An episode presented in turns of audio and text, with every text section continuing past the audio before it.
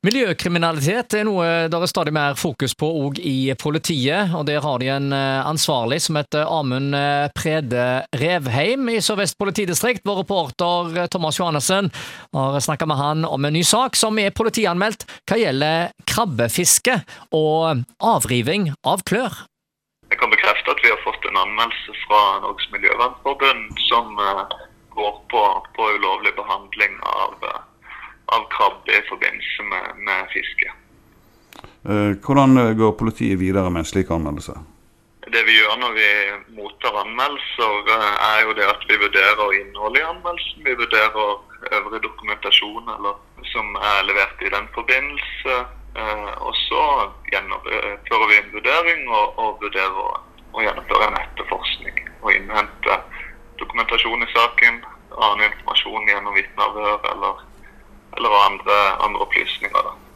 Jeg ser også politiet hatt stor fokus på dette med flere aksjoner eh, utenfor Haugesund og Karmøy. Er det noe dere vil eh, fortsette med? Dyrevelferd er jo et prioritert område. Det er politisk eh, bestemt. Og, og er jo også da, som sagt, resultert i økte strafferammer og diverse. Et økt fokus på. Nå er det flere offentlige etater som jobber med både havressurs og, og, og, det at fiske og behandling av dyr skal foregå på en, en uh, riktig måte. Uh, dette både Fiskeridirektoratet og Kystvakten og Mattilsynet og forskjellige andre etater også involvert i. Ja, Det sier altså Amund eh, Prede Revheim, som er ansvarlig for miljøkriminalitet i Sør-Vest politidistrikt. Vår reporter Thomas Johannessen har òg vært i kontakt med Norges Miljøvernforbund, som har anmeldt saken. Og her snakker han med Ruben Oddekalv. Vi har anmeldt det. Vi anser dette som grov uh, dyremishandling.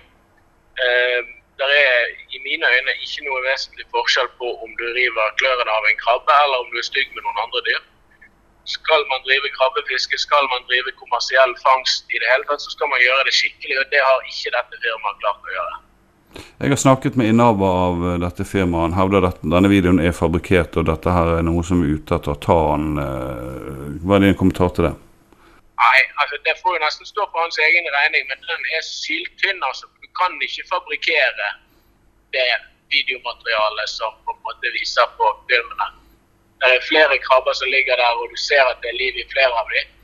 Vedkommende har tidligere hevdet at de avliver krabbene med en syl Eh, og alle som har holdt på med krabbe litt, eh, vil nok stille seg sterkt tvilende til det. Der er for øvrig heller ingen sylmerker på noen av krabbene. Det, det der er halmstrå som man prøver å klamre seg til, og jeg tror rett og slett at det er en bløff. Eh, sånn generelt, Hvordan skal man gå frem når man fisker krabbe? Fisker du krabbe, så skal du sørge for at du hele tiden behandler den som en levende skapning, helt fram til du skal avlive den. Hvis du kun skal ha klørne, så er du nødt til å avlive den og Det gjør man vanligvis med å slå inn det området hvor på en måte hodet og hjernen sitter. Mm. Og Da gjør man det. Avliver man krabben skikkelig, så er man ikke i tvil om at det er gjort heller. Og Det klarer du ikke som sagt med en, med en syl eller med en sånn bitte liten greie. Det er faktisk en brutal stygg greie som jeg ikke er noe glad i sjøl.